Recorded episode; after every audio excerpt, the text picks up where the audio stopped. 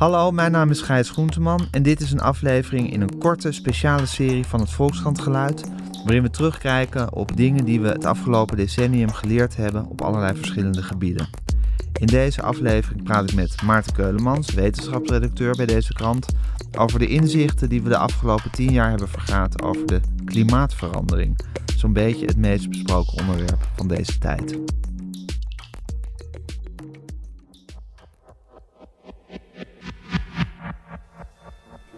Voor de begintune. Muziek van Apocalypse Now. Muziek van Apocalypse Now?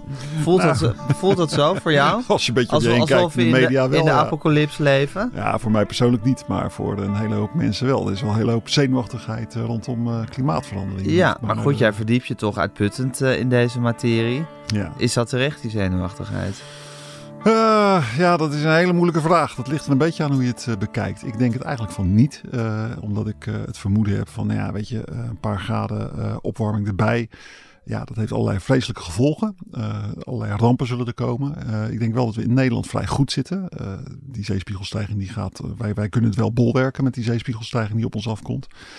En eh, ja, ik, ik ben niet zo heel erg bang voor allerlei crisisachtige toestanden die op ons afkomen. En dat is ook meer een persoonlijke kwestie. Zo zit ik in elkaar. Ik ben niet. eh, Je bent ben gewoon niet snel bang. Ik ben niet Je snel bent bang. niet zo'n doemdenker. Ik ben geen doemdenker. Ik heb ook wel zoiets van, ja, weet je, het ergste wat er kan gebeuren is dat we op een gegeven moment eh, Nederland uit moeten. Nou ja, so be it. Ik bedoel, ja, dan gaan we ergens anders wonen. Of dat er heel veel mensen Nederland in willen. Of Omdat, dat het, el, omdat het elders onleefbaar is geworden. Ja, maar weet je, kijk, als je gewoon in de geschiedenis kijkt, elke tijdperk heeft wel gewoon zijn narigheid en zijn uitdagingen. En ik denk dan van ja, mijn, mijn moeder heeft in een uh, jappenkamp gezeten, nog in Indonesië. Dat was een tijd van oorlog, honger, die heeft mensen zien doodgaan. Wij leven nu in een tijd dat uh, de mensen niet om ons heen dood neervallen van infectieziektes. We worden niet meer naar het front gestuurd. We hebben genoeg in te Nederland eten. niet in elk geval. Nee, in Nederland niet. En ik, in hele grote delen van de wereld niet. Ja. Uh, de armoede neemt wereldwijd af. Het gaat eigenlijk gewoon, als je, als je heel eerlijk bent, gaat het best wel goed in de wereld. En ja, klimaat is een heel rottig probleem wat er overheen komt. Maar ik uh, laat mijn optimisme daar uh, niet, zo van, uh, niet zo heel erg door verstoren. Nee.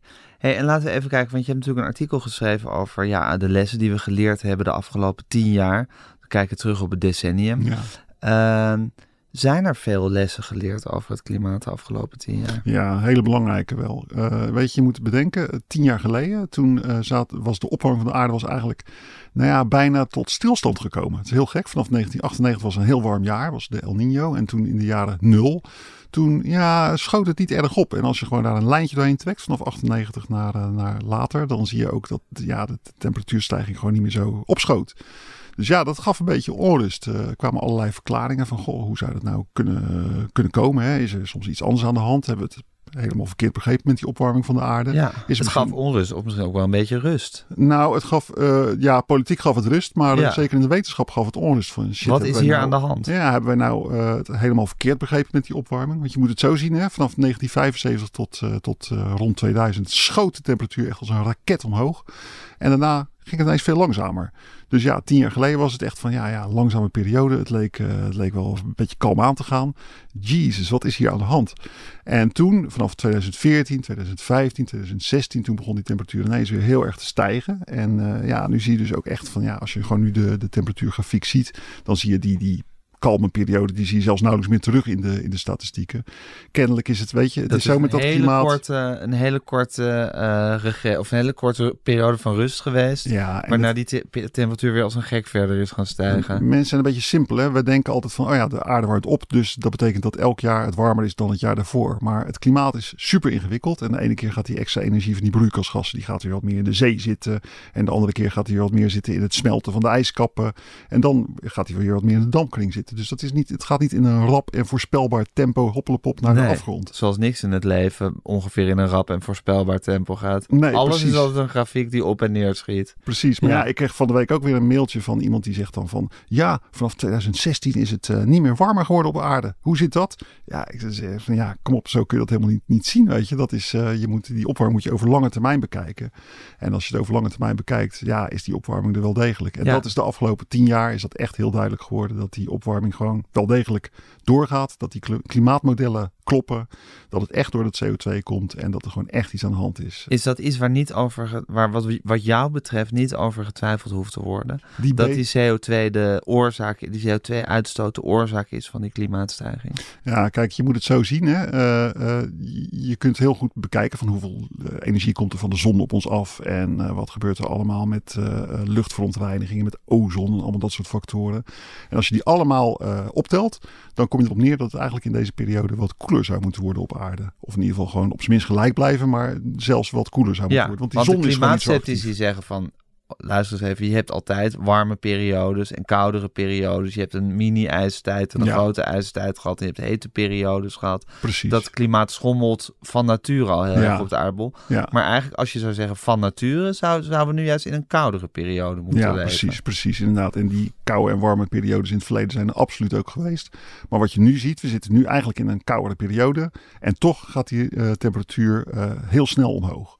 En er is eigenlijk maar één factor die dat kan verklaren. En dat zijn die, die broeikasgassen. Ja, en daar is de wetenschap, eh, om het maar eens even zo te zeggen, voor zover je dat zo kan zeggen, is het daar vrij eensluidend over eens. Ja, zeker. Dit is Ja. gewoon absolute. En, en weet je, ik sprak iemand bij het KNMI, die zei ook, die zei het heel mooi hoor. Die zei van, van ja, als er nou echt een andere verklaring eh, zou zijn, geloof me maar, we hebben er allemaal als een idioot naar zitten zoeken. Want als je een andere verklaring vindt, al is het maar een theorie of een hypothese, sta je meteen op de voorpagina van het eh, toonaangevende tijdschrift Nature. Ja. Wie wil dat nou niet? Ja, dan zou je, dat is net zoiets als, als het perpetuum mobile uitvinden. Dan Ja. zou, je zou iets, iets groots uitvinden vinden als je nu zou kunnen aanwijzen waar anders dan door die CO2-uitstoot Ja. die klimaatverandering zo eh, is op dit moment. Ja, het is, het is gewoon, het is, het is de enige verklaring die eigenlijk over is. En zou je dan kunnen zeggen, eh, er zijn natuurlijk heel veel mensen die, eh, nou, die zitten vooral in de, in de, nou, laten we zeggen, de Forum voor Democratie-achtige hoek. Ja.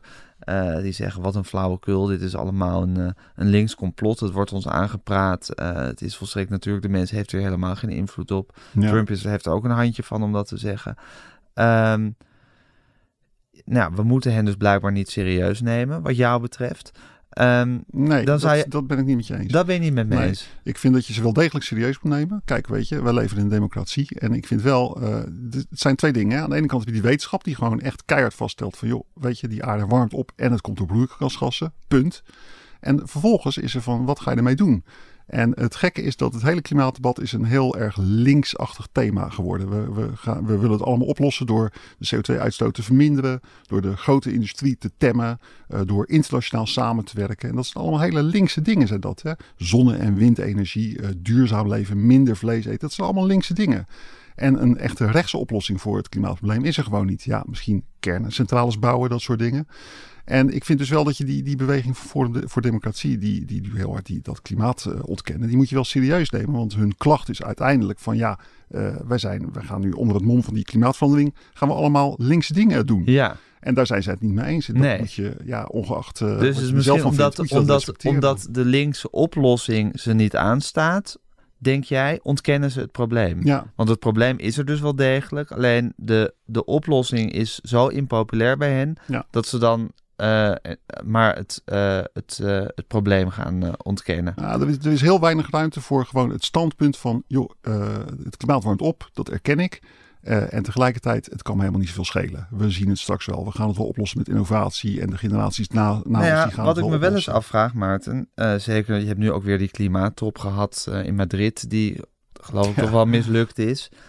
Um, ik denk wel eens uh, in, mijn, in mijn donkere momenten van ja, dit is een probleem wat eigenlijk niet te keren is volgens mij. Volgens mij zijn we Nee. allemaal verslaafd aan vliegen en aan CO2 uitstoten op alle manieren die er mogelijk zijn. En is dat bijna niet, bijna niet te remmen, deze verslaving? Zouden we niet al deze energie die we nu steken in klimaatconferenties en in nou, al dat soort dingen, om dat te minderen, beter kunnen steken in uh, kijken wat voor een oplossing, hoe we, hoe we het probleem wat er toch uh, in grote snelheid op ons afkomt, hoe we dat, uh, ja, hoe we daarmee omgaan. Ja, precies, precies. Dat wordt ook wel gedaan. Hè? Dat heet dan met een duur woord adaptatie. Dus, dus aanpassen aan het veranderende klimaat. Ja, maar is een beetje een taboe, hè, ook. Nou, kijk, je ziet dat bijvoorbeeld nu. Kijk naar Nederland, waar we het programma Ruimte voor de Rivieren hebben gehad. Weet je wel, de rivieren meer ruimte geven. Uh, kijk naar het uh, teruggeven van sommige polders aan, uh, aan het zeewater en zo. Dat zijn allemaal aanpassingen aan een veranderende wereld. Dus we doen dat wel degelijk al. in Rotterdam zijn ze bezig met, met allemaal ja, speciale tegels tegen de extreme regenval en zo. Ja, dat, is, dat zijn allemaal hele interessante, toffe dingen. Die moet je ook gewoon zeker doen. Want die opwarming komt gewoon op ons af. En is de afgelopen tien jaar ook al echt op ons afgekomen. Ja. Heb jij het gevoel dat het te keren is, die opwarming? Nou, nee. Kijk, weet je, nee. Uh, op korte termijn zeker niet. Uh, die anderhalve graad, die kunnen we volgens mij gewoon vergeten. Want dat, dan zou je echt hele absurde, draconische maatregelen moeten nemen. Twee graden, die gaan we denk ik ook uh, passeren. Zo ergens rond 2070. En ik denk dat, ja, weet je wat het wel is? Eén factor die wordt alsmaar niet meegewogen. En dat is, er zijn op dit moment allerlei technieken in de maak, allerlei manieren in de maak om die CO2-uitstoot te minderen. Allemaal initiatieven, allemaal steden die beloven van wij gaan stoppen met CO2-uitstoten. En ik denk als je dat allemaal bij elkaar optelt, dat, daar heb ik best wel hoop op. Dat dat gewoon op een gegeven moment toch wat gaat uitmaken. En het andere waar ik erg in geloof is ja, het afremmen van de bevolkingsgroei. Op dit moment groeit de bevolking nog als kool. Maar je ziet eigenlijk overal waar uh, mensen uh, welvarender worden en waar mensen scholing genieten en zo, dan zie je dat vrouwen gaan werken. Vrouwen krijgen opleiding, die gaan werken. Die, die krijgen gewoon minder kinderen. Je hebt ook je kinderen niet meer zo nodig als oude dagvoorziening.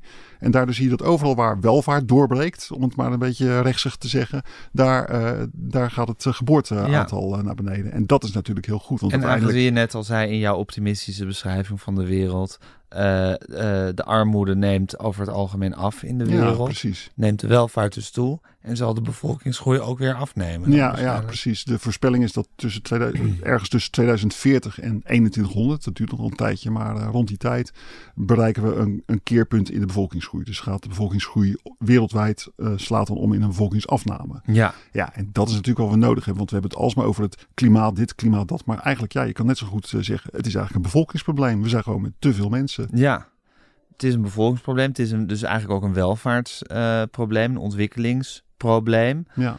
Uh, het is misschien ook wel een technisch probleem in de zin dat we, dat we inderdaad te afhankelijk zijn van fossiele brandstoffen. En gewoon techniek moeten ontwikkelen om, om, uh, om andere energiebronnen te gebruiken. Ja, ja. Ja, kijk, weet je, onze hele wereld is gewoon gemaakt van, van olie. Uh, producten in de supermarkt die komen aangevlogen met vliegtuigen en aangereden met vrachtwagens. Uh, plastic, om, ik, ik, zit hier te praten tegen een microfoon die is gemaakt van plastic die weer gemaakt is van olie. Ja, weet je, het is, het is, het is heel, heel, heel erg lastig om dat allemaal uh, ja, te bestrijden. Dus ik denk wel eens van dat klimaatprobleem is misschien een. Ja, dat moet je veel meer in deelproblemen hakken. En kijken of je die afzonderlijke deelproblemen kunt oplossen. Ja, en jij, je zou misschien ook kunnen zeggen, gelovend in de innovatiekracht van de mens. Van we lossen dat bijna vanzelf op. Ik bedoel dat het, dat het probleem er is. Dat is nu tot de meeste mensen doorgedrongen. En ook al lukt het niet om in Madrid tot een akkoord te komen over hoe het allemaal precies. Uh, dat, dat, dat, dat iedereen de neus dezelfde kant op heeft. Zijn er toch overal universiteiten en miljardairs en mensen en knappe uitvinders bezig om oplossingen te vinden voor dit probleem. Het grappige is, ik schreef afgelopen jaar een uh, verhaal, uh, een terugblik op het klimaat vanuit het jaar 2069. En uh, was wel aardig, want ik ben toen gewoon eens gaan kijken van ja, we zijn als het over klimaat gaat, zijn we altijd aan, aan die risico's aan het denken. De hoogste van als wat als het helemaal misgaat. En ik ben voor dat artikel ben ik gewoon eens gaan kijken van nou ja, laten we nou eens even kijken naar de dingen die goed gaan. Want die zijn er ook. En wat gebeurt nou als het echt een beetje lukt met die, uh, met die energietransitie. En als inderdaad de olieprijs die is aan het stijgen volgens allerlei uh, rapporten. Nou ja, op een gegeven moment wordt zonne-energie gewoon echt veel rendabeler dan, dan olie. Als dat allemaal nou eens een beetje doorzet, wat krijg je dan? En dan zie je van ja, ja, inderdaad wel een toekomst vol met rampen en ellende en opwarming. Maar ja, uiteindelijk toch aan het einde van het liedje ik sloot dat artikel ook een beetje grappend af met dat mensen de staat op gingen om te demonstreren tegen de afkoeling van de aarde. Omdat we zo fanatiek waren geworden in het jaar 2069 met het uh, uit de dampkring halen van CO2. Dat het daadwerkelijk kouder werd wat het zou moeten worden. En dan heb je pas echt een probleem hoor, kan ik je zeggen. Ja, maar is dat erger als het gaat afkoelen? Dat is veel erger, ja. ja want dan krijg, je, nou ja, dan krijg je een ijstijd. En als, je een, eh, als we, we staan op het randje van een ijstijd, hè, geologisch gezien. En ja, stel nou, ik bedoel, dit is, dit is fictie hoor, maar stel nou dat iemand eh, uh, een fantastische techniek zou, uh, zou verzinnen om heel veel geld te verdienen met het uit de dampkring halen van CO2. Ja, dan kan je, kan je de situatie krijgen dat het gewoon, gewoon afkoelt. En uh, ja, dan, uh, dan komen de gletsjers onze kant op. Dat wil je echt helemaal niet. Ja, ja. Dus je zou ook misschien kunnen zeggen dat we, dat we ons met onze CO2-uitstoot van een veel grotere ramp aan het behoeden zijn. Namelijk dat die ijstijd daadwerkelijk aan gaat breken. Ja, ja precies. Daar is een uh, levendig wetenschappelijk debat over gaande. Van, van hebben wij nou eigenlijk een ijstijd voorkomen met onze, onze uitstoot van, van CO2? En ja, het is niet, het is geen eenstemmig, geen eenstemmig antwoord over. Nee, maar dat valt toch nog zijn het erover oneens. Ja. Maar er is wel degelijk wat voor te zeggen dat we misschien nu richting een, een nieuwe ijstijd waren gegaan als we die CO2 niet hadden gehad. Ja, hey Maarten, dat het zorgelijk is, is een ding wat zeker is. Aan de andere kant, zoals je zegt, uh, er is bijna geen tijd zonder rampen. Ik bedoel, we roepen altijd wel iets over ons af. Of er breekt een ziekte uit, of, er, of, of een oorlog, of weet ik veel wat.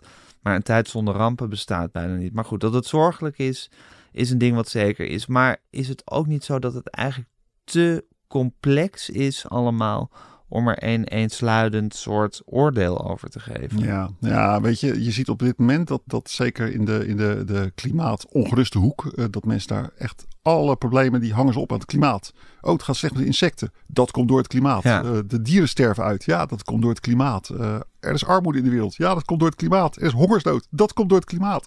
Ja, kom op. Ik heb altijd zoiets van hou je hoofd een beetje koel cool en, en probeer die problemen los van elkaar te zien. En hang niet alles op aan het klimaat. Ja, je ziet bijvoorbeeld nu al van, van dat is grappig eh, als je gewoon bekijkt het, uh, het akkoord van Montreal. Een beetje vergeten akkoord, maar dat is het akkoord waarmee we de drijfgassen uit de spuitbussen zijn oh, ja. Daar ging het ook heel veel over in het jeugdjournaal vroeger. En het grappige is, die, die, dat, dat akkoord van Montreal heeft ervoor gezorgd dat we veel minder van die drijfgassen uitstoten. En die drijfgassen zijn ook broeikasgassen. Dus dat heeft enorm geholpen met het tegengaan van klimaatverandering. Ja, en dat is een akkoord waar niemand uh, heel moeilijk over deed. En dat is er gewoon gekomen. Ja, hele andere toen hebben we het even heel goed gedaan met de wereld. Precies. Ja, maar niet dat we daar nu voor staan te applaudisseren. Nou, of onszelf schouderklopjes voor staan te geven. De komende jaren gaat dat, dat akkoord van Montreal loopt nog steeds. Dus er worden steeds meer uh, koelgassen worden, worden uitgefaseerd. Uh, gassen die nog in, in koelkasten zitten en zo. Ja. En in airconditionings. En dat gaat ook weer een hele hoop opwarming gewoon schelen nou ja, niemand, geen haan kraait naar. Maar dat zijn wel de positieve ontwikkelingen die ook gaande zijn. Dus ik denk als je, dat, als je allemaal dat soort akkoorden nou zou kunnen sluiten. Hè, van probeer nou eens iets te verzinnen dat we veel meer bomen gaan planten. Ja. Dat gewoon heel goed is tegen klimaatverandering. Maak daar nou eens een heel mooi akkoord over dat we veel meer met bossen gaan doen. Uh, probeer nou eens uh, of, je, of je nieuwe toepassingen voor hout kan verzinnen. Uh, hout, uh, houten bouw, dat is nu weer een uh, heel hot item. Dat je van hout nieuwe materialen kan maken. Waar je bijvoorbeeld flats mee kan maken. En zelfs auto's. nou ja, dat zijn allemaal hele hoopgevende dingen. Ja. Dus uh, ik ben meer voor de deelakkoorden. En zeker ja. na zo'n frustrerend weekend als afgelopen weekend, uh, die klimaattop in Madrid, waar dan gewoon eigenlijk helemaal niemand uh, ja, met een verstandige oplossing komt. Dan zie je nee. toch van, ja, ik heb het vanmorgen opgeteld de landen die dwars liggen, dus Brazilië, Amerika, India, China, als je die landen optelt, het zijn 3,3 miljard mensen. Dus ja, 3,3 miljard mensen op deze planeet, Doe niet die, mee. die doen gewoon niet mee. Nee. dus Dan, ben je, ja, dan ben je niet maar ja, maar je, Misschien is het ook wel gewoon zinniger om te geloven in de innovatiekracht van de mensheid dan in de bereidheid van mensen om uh, verworven uh, gemak op te geven. Ja, ja. Ik bedoel, mensen, als mensen eenmaal kunnen vliegen, dan blijven ze gewoon vliegen. Nou ja, precies. Ik denk wel dat het en-en moet zijn. Ik sprak eerder dit jaar met uh, Helene de Koning, uh, klimaatwetenschapper van het IPCC, uh, Nijmeegse klimaatbeleidswetenschapper. Fantastisch mens. En zij, zij, zij zegt van ja, je moet op systeemverandering inzetten dat vliegen, dat mensen minder gaan vliegen uit zichzelf of uit een soort, soort moreel, uh, moreel afweging, vergeet het maar. Maar je moet eigenlijk wel voor zorgen dat er in Europa in ieder geval een goed hoogsnelheidsnetwerk ja. ligt. Dat je in Europa niet meer telkens. Uh, ja, precies. Maar dan, dat, dat bedoel ik ook met, met verworven gemak. Ik bedoel, als, als iemand net zo makkelijk met de trein kan gaan en voor hetzelfde geld en in dezelfde, hetzelfde tempo als met het vliegtuig, dan zal hij dat prima vinden. Ja. Maar mensen zijn nu gewend, bijvoorbeeld Europeanen, dat ze makkelijk door heel Europa kunnen reizen. Ja. En niemand die zegt, nou, dat doe ik gewoon niet meer. Maar ja, een enkele brave uh, eh, 13-jarige die ook woedend is uh, op het klimaat. Die zal misschien eisen van ik wil niet meer met het vliegtuig op vakantie. Ja, maar ja. grosso modo weigeren mensen dat gewoon op te geven. Ja, ja. Maar ja, het is, ook, het, is ook, het is ook goed hè, dat reizen. Ik bedoel, ik ken om mij heen allemaal mensen die internationale relaties hebben, internationale huwelijken hebben. Uh, tot en met in, die mensen die dan in het buitenland gaan werken en zo. Ja. Nou, dat, dat, is, dat is toch de lijm waardoor wij gewoon als maatschappij niet meer met elkaar je leert gaan ook voeren. iets van reizen. Ja, je kunt je niet meer voorstellen dat wij nu hey, tegen Duitsland ten strijde gaan Stap jij met schuldgevoelsvliegtuig in? Nou, dat is mooi. Ik, ben, uh, ik had altijd vliegangst. Ik heb uh, tot vorig jaar nog, had ik nog nooit gevlogen. Ik vond het eng. Of uh, opgesloten zitten in zo'n buis, dat leek me Zeker. niks. Iedereen, en, met, uh, iedereen zonder vliegangst heeft een gebrek aan fantasie. Ja, zei, Freddy, zei Freddy Heineken. Inderdaad. Nou ja, ja, ik ben het op een gegeven moment, ik heb, die, ik heb het doorbroken. Ik ja, ben gaan je vliegen. stap gezet. Ik ben met mijn dochter op en neer gaan vliegen naar Londen tot ik het niet meer eng vond. En uh, dat is me geluk. Het is leuk, want nu is dat net in een tijdperk dat al mijn vrienden die vroeger naar de Himalaya gingen en naar India en die zitten nu helemaal heel, uh, die zitten nu tegen met een opgegeven vinger. Naar Frankrijk. Wat? Ga jij met het vliegtuig naar, naar Londen? Dat doe je toch niet? Ik zei, hallo. ik ben voor het eerst gaan vliegen. Gun mij toch ook eens een keertje dat ik, uh, dat ik in een vliegtuig zit. Dus, ja. ja. Dus jij vliegt je helemaal gek op en neer naar ik Londen, man. Met, ja. nou, ik ben afgelopen zomer ben ik naar Italië op en neer geweest. Ook met vliegtuig? Ja, met vliegtuig. En dan zie je het ook van, ja, dat, dat is een afstand die met de auto een beetje lullig wordt. Ja, met zo'n vliegtuig ben je er eigenlijk zo. Zeker. En ja, ik vind het voor mij, sorry hoor, ik vind het als, als wetenschapsdirecteur toch wat toevoegen aan je ervaring als, als mens om een keertje met eigen ogen daarbij Pompeii dus te hebben gekeken. Vlieg trots, zeg dat maar. trots heb je. Wauw. Hey, en als ik nu Thierry Baudet zou zijn en hier zou zitten, dan zouden we het dus eigenlijk, uh, dan zouden we een hoogoplopend debat kunnen voeren, jij en ik, dus Thierry en jij, over uh, dat, dat er wel degelijk opwarming is dankzij de mens. Maar jullie zouden het eigenlijk helemaal eens zijn over dat er een soort klimaathysterie heerst. Uh, ja, weet je, ik, vind, ik, ik, ben, ik, ben, ik, ben, ik ben een democraat in hart en nieren. Ik vind dat je gewoon uh, mensen verschillen van elkaar. En de een is heel erg bezorgd over het klimaat. En dat moet je serieus nemen. En de ander is minder laconiek bezorgd over het klimaat. Die is er laconiek over. Dat moet je ook serieus nemen. En ik denk van, weet je, niet, ja, het gaat slecht met de koralen en de ijsbeertjes en noem het maar op. Maar ja, niet iedereen heeft daar evenveel zorgen over. Ik bedoel, ja, voor de een is een koraal iets heel belangrijks. En voor de ander is het gewoon wat minder belangrijk ik denk dat dat wel, dat is wel iets wat mij uh, onderscheidt van een hele hoop andere mensen in het uh, klimaatdebat. Ik heb zoiets van, ja, laat mensen gewoon in hun waarde. Ja, en heb je enig idee hoe, wat voor een gesprek, heb je enig, nou ja, het zal gokken zijn, maar toch heb je enig idee over wat voor een gesprek we over tien jaar hierover zullen voeren? Ja, dat is een hele goede vraag. Ik denk eigenlijk nog steeds hetzelfde gesprek misschien wel. Omdat die politieke verschillen die blijven natuurlijk gewoon. Je hebt altijd mensen die uh, meer begaan zijn met het milieu en minder begaan dus zijn met dat het gesprek milieu. is dan, uh, we zijn bezorgd, maar de apocalyps is, de, we, we voelen de ap apocalyps aankomen, maar hij is nog niet uitgebroken. Ja, ja. ik denk wel uh, dat we de komende tien jaar gaan we de eerste echte klimaatrampen zien voorspel ik zomaar eventjes. En dat gaat denk ik het debat wel aanslingeren. Waar nou ja, denk aan uh, grote overstroming bij Mumbai. Uh, denk aan het onderwaterlopen van Miami. Denk aan het onderwaterlopen van uh, ja, gebieden van China die dicht bevolkt zijn en die in de gevarenzone zitten. Denk aan hele slopende hittegolven. Ik denk dat er, kijk, als een keertje zo'n heel erg uh, in het oog springend iets gebeurt, dat zal misschien mensen toch wel eventjes doen beseffen. Zijn mensen even gechoqueerd. De ervaring is natuurlijk altijd dat op het moment dat je mensen een klap in hun gezicht geeft, dan gaan ze pas wat doen. En dat die klap in het gezicht, die ontbreekt nu best wel. Ja, Ja. Weet je, wat merk je nou van klimaatverandering om je heen? Nou, we hebben een heerlijke warme zomer gehad. Goh, ja, het was record heet. Nou, ja, we- het nou, was wel leuk onprettig. We eigenlijk. hebben er wel slecht van geslapen, maar het, zo heerlijk was het allemaal niet. Ik vond het heerlijk. Oh, jij vond het eh, heerlijk. Je ik kan heel goed warmte. tegen Ja, hitte. precies. Ja. Maar eh, wat je ook in het artikel schrijft, eh, er zijn eigenlijk meer uitschieters wat betreft het klimaat. Dus meer hele hete zomers, meer rare tornado's, nou, allemaal dat soort dingen. Maar wij, mensen, adaptief als we zijn, we wapenen ons er ook beter tegen. Dus er zijn Ja. ook steeds minder slachtoffers. Klopt. Ja, ja, ik zat toevallig gisteren nog een eh, overzichtje te bekijken van eh, natuurrampen. En dat is grappig, dan zie je echt, nou, dat, staat op, de site van Extinction Rebellion. Daar staat een eh, grafiekje van natuurrampen. En dan zie je echt zo, die nemen enorm toe, hè.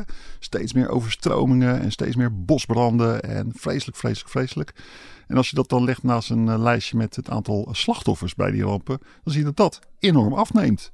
Ja, heel maf. Maar mensen die, eh, ja, die eh, als, als jij inderdaad een gebied woont waar het overstromingsgevaarlijk is, dan neem je gewoon je maatregelen en Ja. dan daar, zorg je dat je daarop voorbereid bent. Ja, Dus dat is wel weer eh, hoopgevend. ja. Maar jij zei net, trouwens, daar wil ik nog wel even iets over zeggen. Ehm, jij, jij, jij zei net van ja, de afgelopen tien jaar is inderdaad het zichtbaar geworden in de statistieken. En dat is wetenschappelijk gezien is dat een hele belangrijke omslag. Alle mensen die ik spreek, alle wetenschappers eh, die ik spreek in het veld, die zeggen allemaal van ja, we kunnen nu voor het eerst kunnen we echt statistisch onderzoek doen naar wat betekent nou een hetere wereld. Omdat we echt een graad warmer zitten dan Ja. voor de industriële revolutie. En dus kun je voor het eerst uitspraken doen als bijvoorbeeld die, die hittegolf die we afgelopen zomer hadden. Met die recordtemperaturen boven de 40 graden, weet je nog. Zeker. Dat kwam, eh, een eeuw geleden kwam dat eh, gewoon niet voor. En nu komt dat eens in de 50 jaar, zou je dat ongeveer kunnen verwachten, zo'n zo'n hittegolf. Dus dat is wel heel interessant. En wetenschappers eh, zeggen echt van ja, weet je, wat, wat eerst echt ja, een soort bij mensen in het hoofd, eh, in, in je gedachten zat. Ja. Dat kun je nu echt in de buitenwereld waarnemen. Ja, En dan kan je dan weer dat gaan meten, wat voor een effect dat heeft. Ja, precies. En ook gaan kijken hoe mensen daar vervolgens op reageren. Ja, of het ja. ze bewuster maakt. ja, en of het het gedrag gaat veranderen. Ja, precies. Nou ja, je ziet bijvoorbeeld met die hittegolven zie je het ook. Het is leuk. Ik heb, ik heb het voor de, voor de krant heb ik het dus op een rijtje gezet van ja, we hebben meer hittegolven, het is warmer. En in 2003 was er een vreselijke hittegolf waarbij toen enorm veel mensen doodgingen. Ouderen, bejaarden, mensen die al ziek, zwak, misselijk zijn, die, konden, die trokken die hitte niet. Die, die gingen gewoon dood. En nu zie je dat op het moment dat er een hittegolf is, dan treedt het Nationaal Hitteplan in werking. Dan krijgt die, ja, die oude zieke opa, die krijgt eigenlijk eens een keertje een beetje water. Gaat, iedereen gaat op die man passen. En je ziet zelfs dat het eh, gewoon eh, ja, tot een, eh, in sommige omstandigheden tot een lagere sterfte leidt. Dus je kunt beter een hittegolf hebben voor sommige ouderen. Omdat iedereen dan zo alert is ineens. Ja, precies, en er is precies. code oranje en we doen allemaal Ja. ons best. Dus al die hittegolven, die, sorry, Ja. al die hitteplannen, die, die helpen wel degelijk. Wat zijn we toch een wonderlijke wezens, hè Maarten? Wij mensen. Nou, weet je, ik heb altijd wel vertrouwen in, in mensen. Ik denk dat mensen zijn gewoon hartstikke slim. En weet je, moet ook niet vergeten, wat zijn wij? Wij zijn gewoon van nature zijn wij een eh, tropische aap. Wij komen uit Afrika. En we zitten hier echt in de, in de, in de kou. Zitten we gewoon met kleren aan. Hebben we ons aangepast aan het leven in een, in een omgeving waar we helemaal niet horen. Nou ja, dan kunnen die paar graadjes opwarming, die kunnen we toch ook wel aan, zeg. Ik, maar, dat is een beetje mijn, eh, zoals ik het persoonlijk ja, zie. je weigert je daar verder altijd druk over te maken. Mensen zijn goed in zich aanpassen en mensen zijn, ja, onze specialisme is, weet je, een leeuwse specialisme is dat hij scherpe klauwen heeft. En een aapse specialisme is dat hij goed kan, eh, kan klimmen. En ons specialisme is dat we, dat we brains hebben en dat we ons goed kunnen aanpassen Ja, als eh, de natuur iets op ons afgooit. we verzinnen een oplossing. Ja. Maar ik ben een techno-optimist, hè. Dus dat, eh, en ik, eh, alle respect voor de techno-pessimisten die er ook zijn. Wat is een techno-optimist? nou ja, ik geloof wel in, in, de, in, de, in het eh, menselijke innovatieve Ja, vermogen. precies. Ja, Ja. ja. Maar er, zijn ook, er bestaan ook techno-pessimisten.